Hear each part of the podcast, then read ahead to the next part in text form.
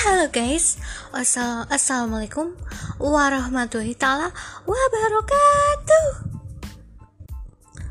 Kali ini kita akan membahas sesuatu yang menarik nih, karena aku kan baru-baru ini nulis non fiksi dari nggak baru-baru ini juga sih, dari tahun lalu sampai tahun sekarang tuh kayak yang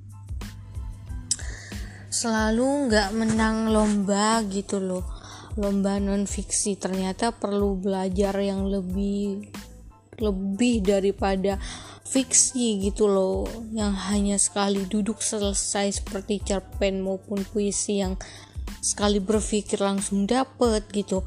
Gak selamanya gampang guys. Ternyata butuh yang namanya tahap-tahap yang di mana di di dalamnya nggak cuman asal nulis aja nggak nggak harus kayak gitu. Tapi ada konsepnya step by step yang harus kita persiapkan untuk menulisnya seperti itu. Apa saja sih yang harus kita tulis? Pertama kita harus menentukan pilihan atas opini kita sendiri atau uh, dalam kata lain kita harus memilih antara yes or no. Dalam pendapat kita mesti ada yang pro dan kontra kan? Maka dari itu kita harus bisa memberikan pendapat yang sesuai dengan apa yang kita buat.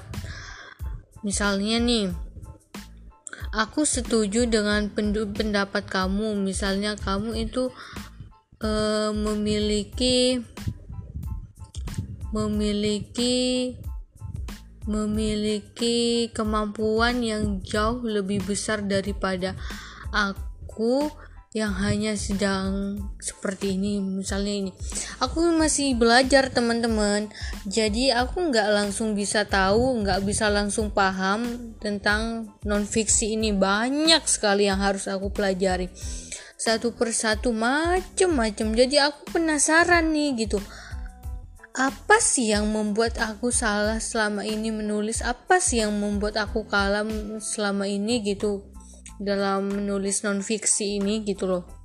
Tapi aku nggak mudah menyerah teman-teman. Dari tahun 2000 kepo ya pasti. Dari tahun 2021 nih sampai 2022 aku menulis esai itu pokoknya nggak pernah menang gitu loh. Esai nggak cuma esai sih esai artikel karya tulis ilmiah itu nggak pernah menang sama sekali. Nggak tahu kenapa ya teman-teman. Karena menulis itu menurut aku seninya ada pada konsepnya kita tulis itu berdasarkan konsep-konsep yang telah kita rencanakan dari awal. Rancang dari awal. Step by stepnya itu seperti apa gitu loh. Harus kita rancang sebaik mungkin sebaik mungkin dan sematang mungkin agar bisa terlihat menarik bagi para pembacanya gitu loh teman-teman. Kalian tertarik nggak untuk bisa menulis esai sebenarnya menulis esai itu yang pertama sertakan pendapat atau opini yes or no kalian. Kedua kalian bisa uh, memeris me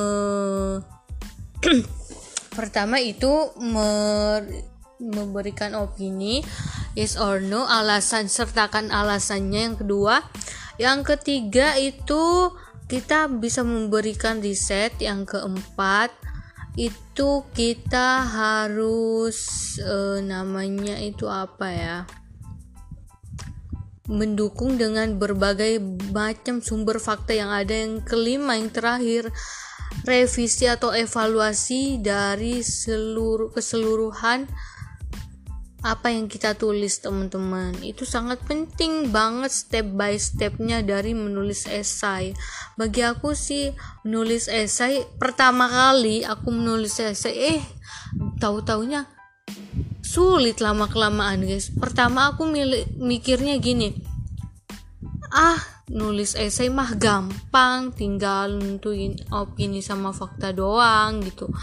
Gak semudah itu teman-teman. Ternyata nulis esai itu sulit. Yang jauh lebih dari aku yang pikirkan itu gampang gampang gampang. Eh ternyata butuh proses namanya juga belajar ya.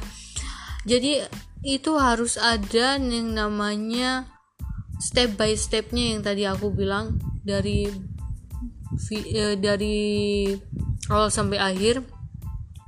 Itu sangat mempengaruhi dalam kita menulis teman-teman terima kasih wassalamualaikum warahmatullahi wabarakatuh eh tunggu tunggu tunggu bentar sertakan introduction pertama kali kalian buat dan juga sertakan conclusion atau kesimpulan. Jangan lupa ya teman-teman.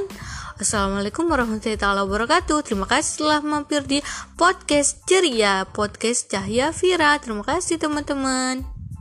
Assalamualaikum warahmatullahi wabarakatuh. Selamat malam teman-teman semuanya.